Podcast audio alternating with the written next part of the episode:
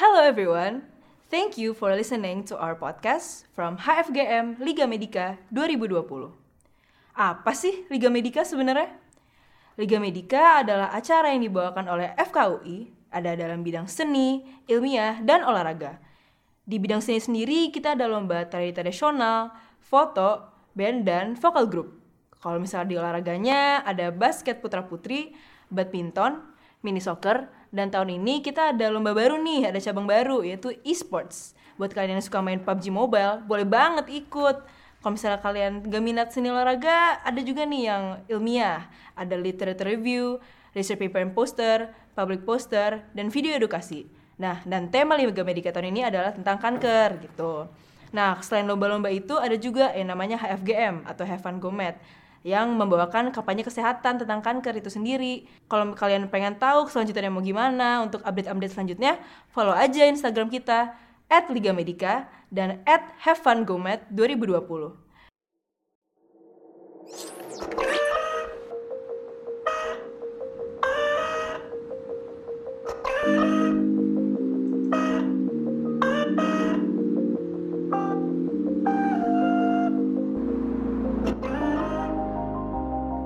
Selamat sore Bu Dede dan Kananda. Terima kasih banyak telah datang pada kesempatan kali ini. Perkenalkan nama saya Dati Prima Putri, perwakilan dari Heaven Gomet FKUI. Dan hari ini saya senang sekali bisa bertemu karena saya ingin sekali mendengar kisah-kisah dan perjuangan Ibu Dede mendampingi putra tercintanya yaitu Ananda Andika selama ini berjuang melawan kanker.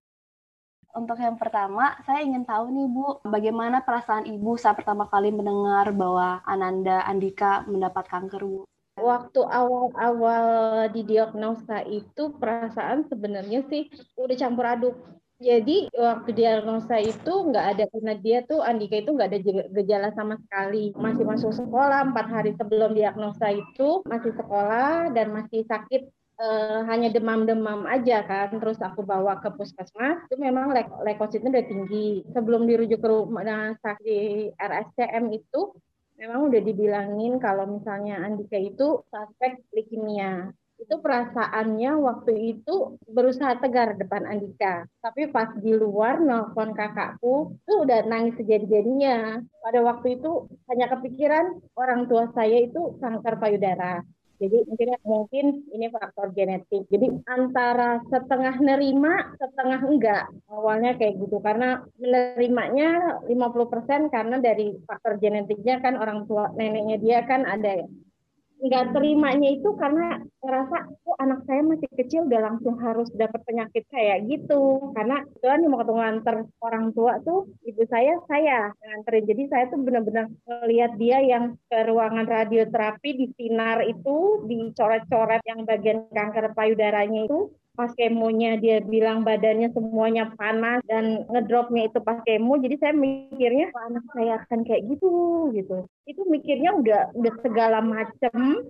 Dan setelah masuk RSCM 10 hari semuanya diagnosanya keluar itu benar. Kalau misalnya Andika itu leukemia.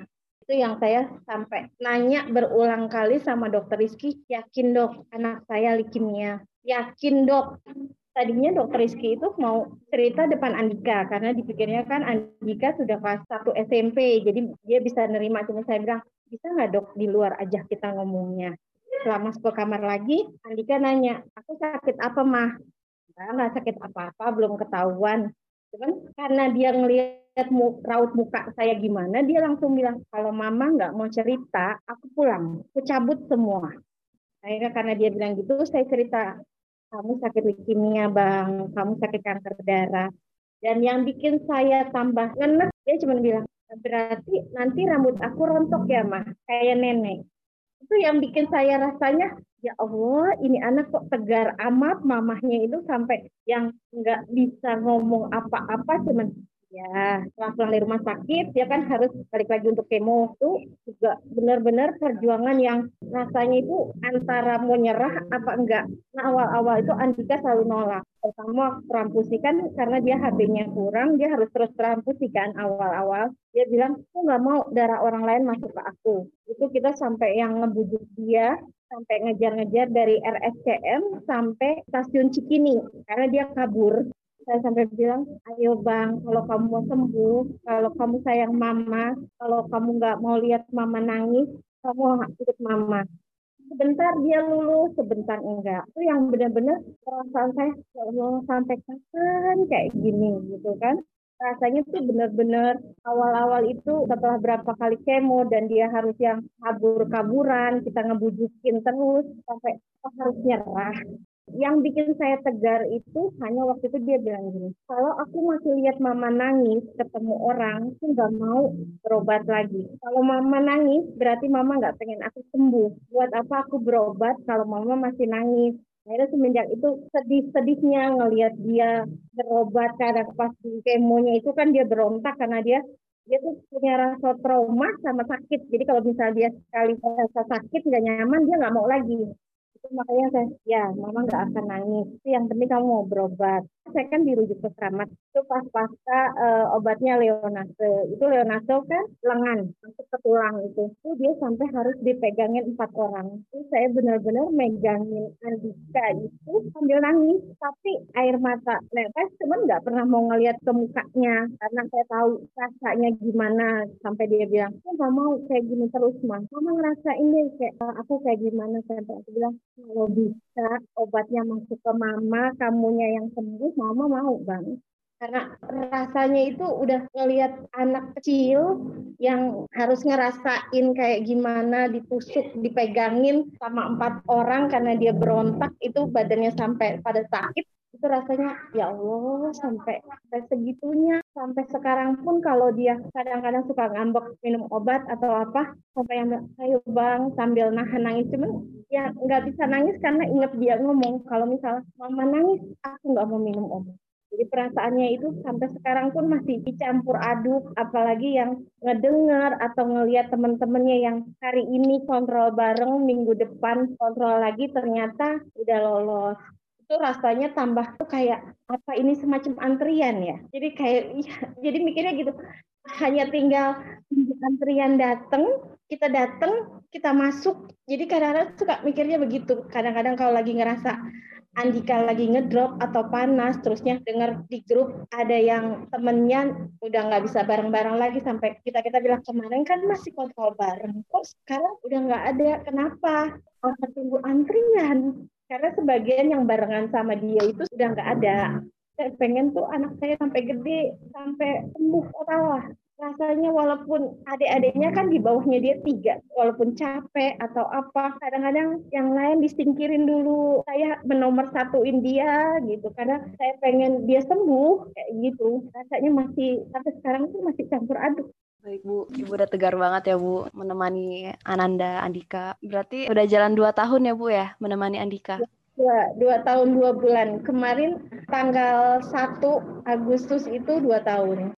Apa yang Ibu lakukan sebagai orang tua dari Andika? Saya uh, kalau sebagai orang tua Andika, saya ingin yang terbaik buat anak saya. Walaupun terkadang untuk kadang-kadang ke rumah sakit pun yang kalau misalnya pada fase minum obat Dexa itu kan emosi turun naik. Itu kadang-kadang dia suka yang harusnya berangkatnya kira awalnya bang kita berangkat pagi. Kadang-kadang dia nggak mau mah nggak mau berangkat. Dan akhirnya kita ngebujukin dulu biar dia mau berangkat. Akhirnya siang kita baru jalan yang penting kalau saya anak saya sehat apa pun yang kadang-kadang saya mesti adik-adiknya sana dulu lah adiknya minggir dulu biar mama ngurusin abang dulu bebain abang dulu. Jadi sampai adiknya pun merasa mama belain abang mulu mama belain abang dulu. Tapi ya untuk saat ini saya hanya berpikir saya pengen anak saya sembuh saya pengen anak saya sehat terus saya pengen nemenin dia terus sampai dia sembuh sampai dia sehat sampai dia dewasa sampai dia punya anak Amin. Bismillah ya Bu, semoga ya Bu. Ya, amin. Selanjutnya berbagai cerita baik ataupun buruk dalam perjalanan melawan kanker. Pengalaman baik buruknya, kalau baiknya, kalau buruknya waktu itu saya di RSCM.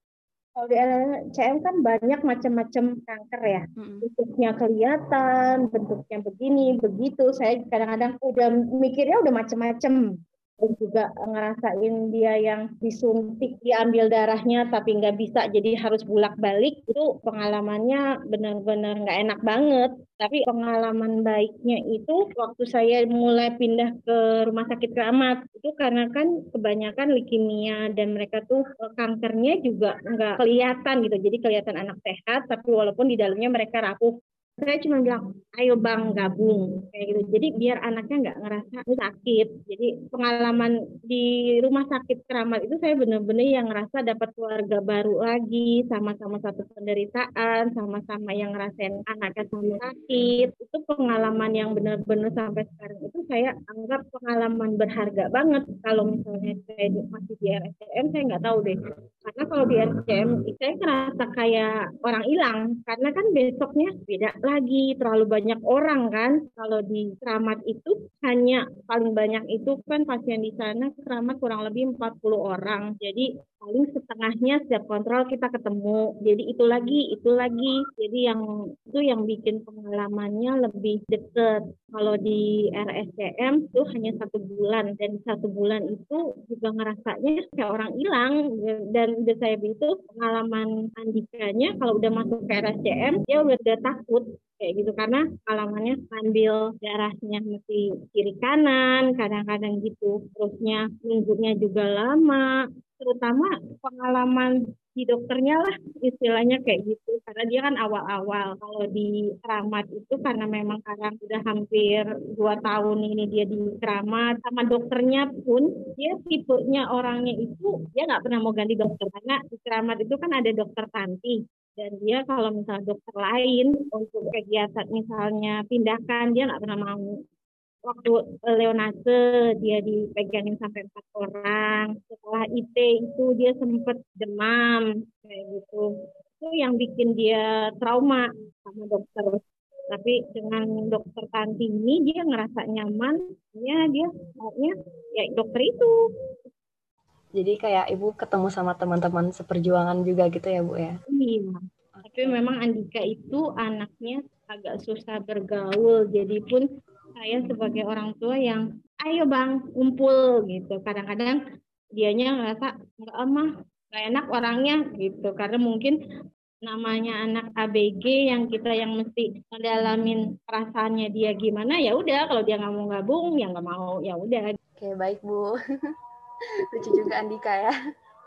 Iya. Malu-malu kali ya bu. Oke pertanyaan selanjutnya ya bu ya Oke, bagaimana dengan menjadi orang tua dari pasien kanker? Apakah ada perubahan di hidup ibu atau di dinamika keluarga ibu? Kalau perubahan banyak.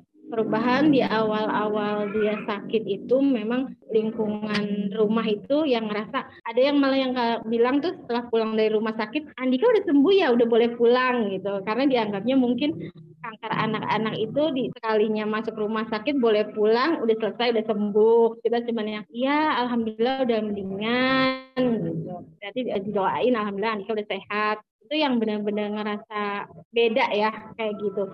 Terusnya pengaruhnya ke saya itu kalau untuk untuk sekarang ini jadi lebih nomor satu inti Andika dibandingkan adik-adiknya. Karena memang lebih ngasih ke pengertian ke adik-adiknya kalau misalnya abangnya itu bisa main tapi ada batasnya semenjak Andika sakit jadi mungkin kabarannya itu jadi agak lebih ditambah lagi. Karena kan emosinya dia juga kadang-kadang nggak stabil di samping lagi mesti ngasih ke pengertian ke adik-adiknya. Kadang-kadang bikin emosi naik turun yang kita juga ngerasainnya. Lain mau marah sama Andika tapi takutnya dianya jadi ngambek nggak mau minum obat. Itu yang kita benar-benar neken jadi kayak gitu. Ngasih pengaruh banget ke saya. Kalau sabarnya mesti ditambah berapa tingkat lagi. Iya ya Bu ya. Kayak kalau marah takutnya dia nanti gimana gitu ya. Iya, karena waktu itu pernah kejadian satu kali terus saya sempat marah, akhirnya dia ngambek, dia sempat nggak mau minum obat sehari.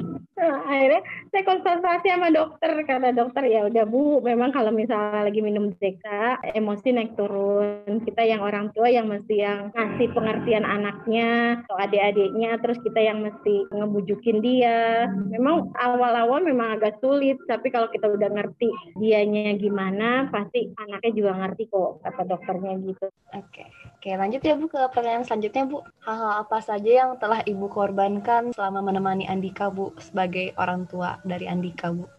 Kalau saya korbankan mungkin awal-awal diagnosa itu di waktu karena masuk RSCM itu kita kan harus di sana 10 hari sebelum keluar hasil diagnosanya 10 hari. Dan itu waktu tenaga pikiran. Pikirannya kenapa saya juga termasuk pikiran? Karena adik-adiknya di rumah kan tiga dan mereka tuh masih usia sekolah. Itu biasanya yang pagi-pagi itu mama ini ini ini, ini segala macam kalau anak-anak itu kan. Uh, jadi yang benar-benar kepikiran tapi alhamdulillah ada keluarga yang udah fokus ke Andika aja. Istilahnya mereka tuh ngeliatin anak-anak saya terusnya juga ada kebetulan juga abangnya juga ada jadinya kayak gitu.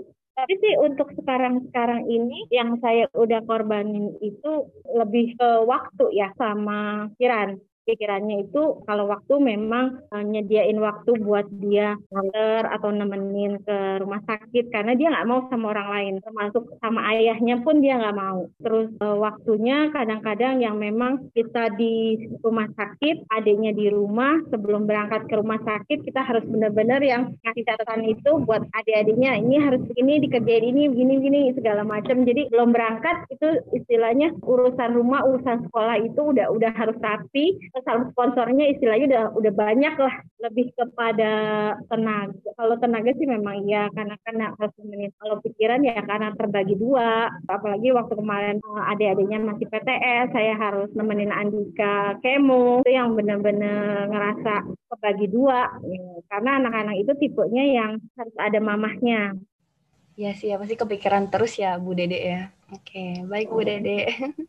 Boleh lanjut ke pertanyaan selanjutnya Bu? Boleh, Oke. Tadi kan sebelumnya kan bagaimana pas Ibu mengetahui kan ya Bu ya. Kalau sekarang bagaimana perasaan Ibu kini saat telah berjuang bersama Andika selama ini Bu? Baik positif maupun negatif.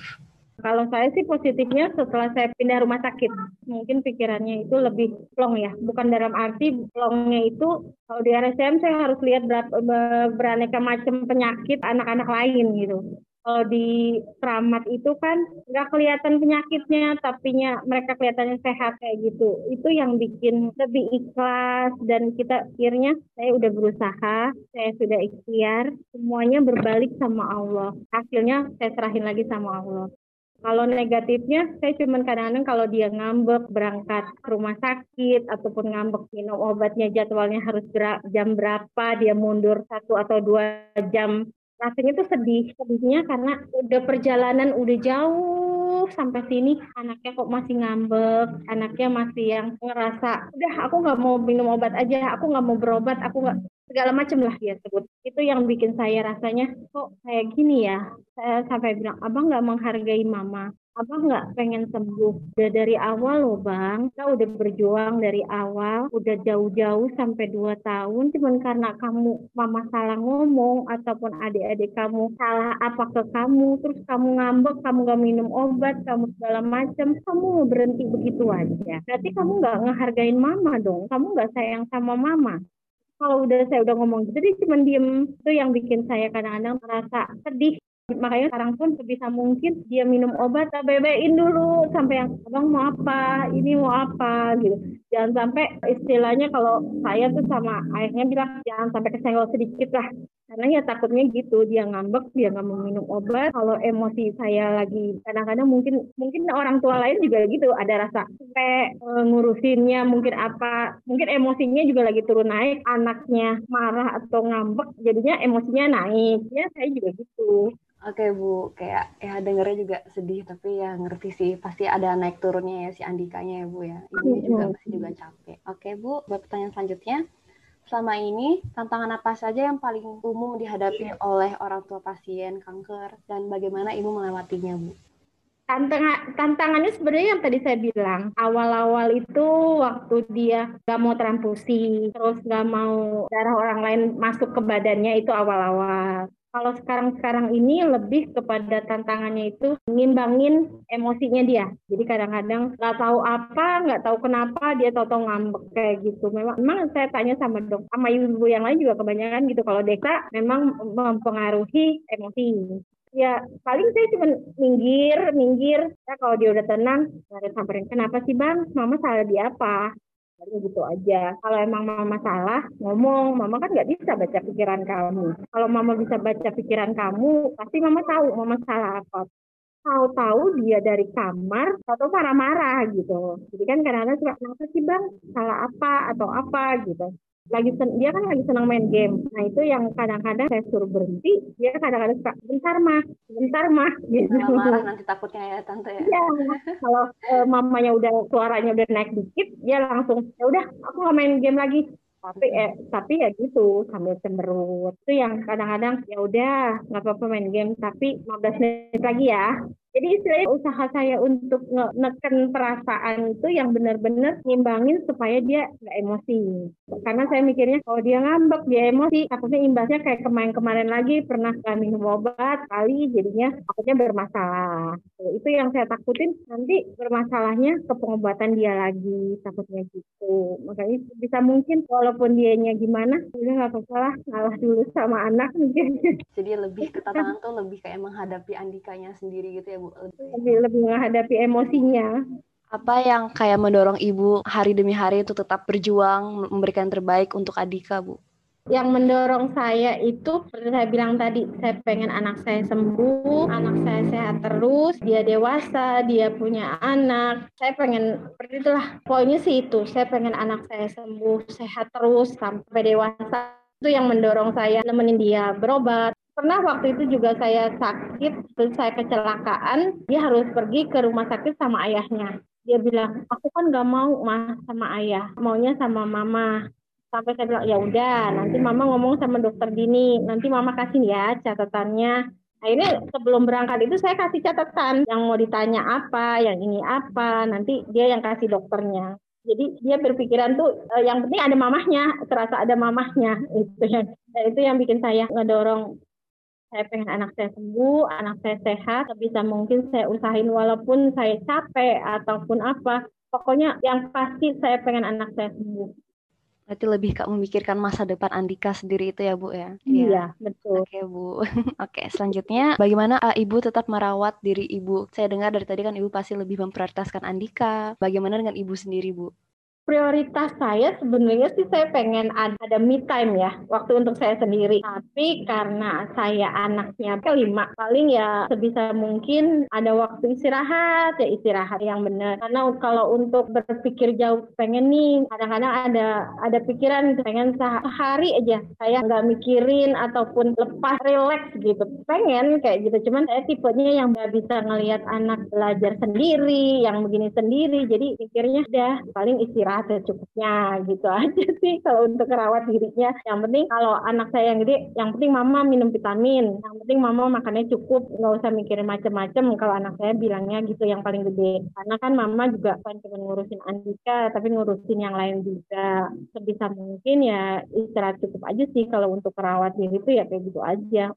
Karena memang posisinya banyak anak untuk istirahat banyak-banyak pun juga susah kan. Oke Bu, berarti lebih kayak ke buat istirahat sendiri gitu aja ya Bu ya. Menurut Ibu nih Bu, bagaimana peran pemerintah atau lembaga di luar pemerintah dalam membantu orang tua pasien dan juga pasien penderita kanker ya Bu? Kalau sekarang ini kan mungkin pemerintah atau swasta itu kan lebih nekenin kepada yang sakit. Kalau yang pendampingnya mungkin nggak terlalu karena mungkin ya dianggap sebagai support keluarga lah istilahnya kayak gitu. Tapi e, kalau untuk swasta kayak misalnya kita masuk ke yayasan, salah satunya kan Andika kan masuk ke kita kuning kan. Kayak kemarin waktu awal-awal saya masuk terus ada family gathering itu kita kan satu keluarga ikut jalan-jalan ke waktu itu ke puncak. Kalau saya bilang itu sebagai salah satu support dari swasta, kita kuning itu support pendamping yang sakit. Karena kan pendamping yang sakit itu ya seperti saya bilang tadi, ada pengen waktu me time sendiri, terusnya pengen relax dengan adanya kita jalan-jalan ataupun ke mana.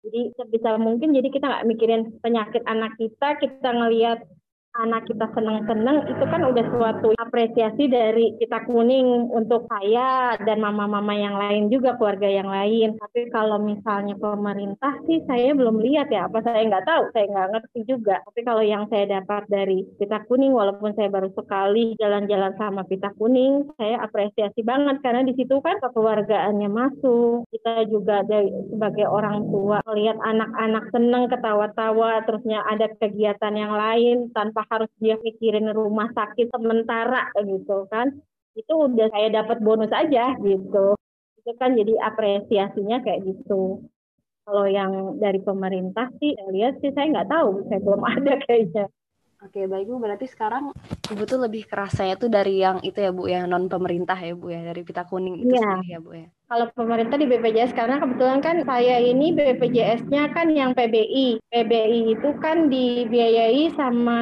pemerintah. Jadi ya alhamdulillah memang untuk biaya kemo kan memang tercover semua. Mungkin kemarin-kemarin ada kalau ada yang obat yang nggak di cover itu mungkin ada beberapa obat yang nggak di cover. Tapi alhamdulillah semenjak ada pita kuning kan masih bisa di cover. Kalau pemerintah kayaknya baru di BPJS aja sih ya.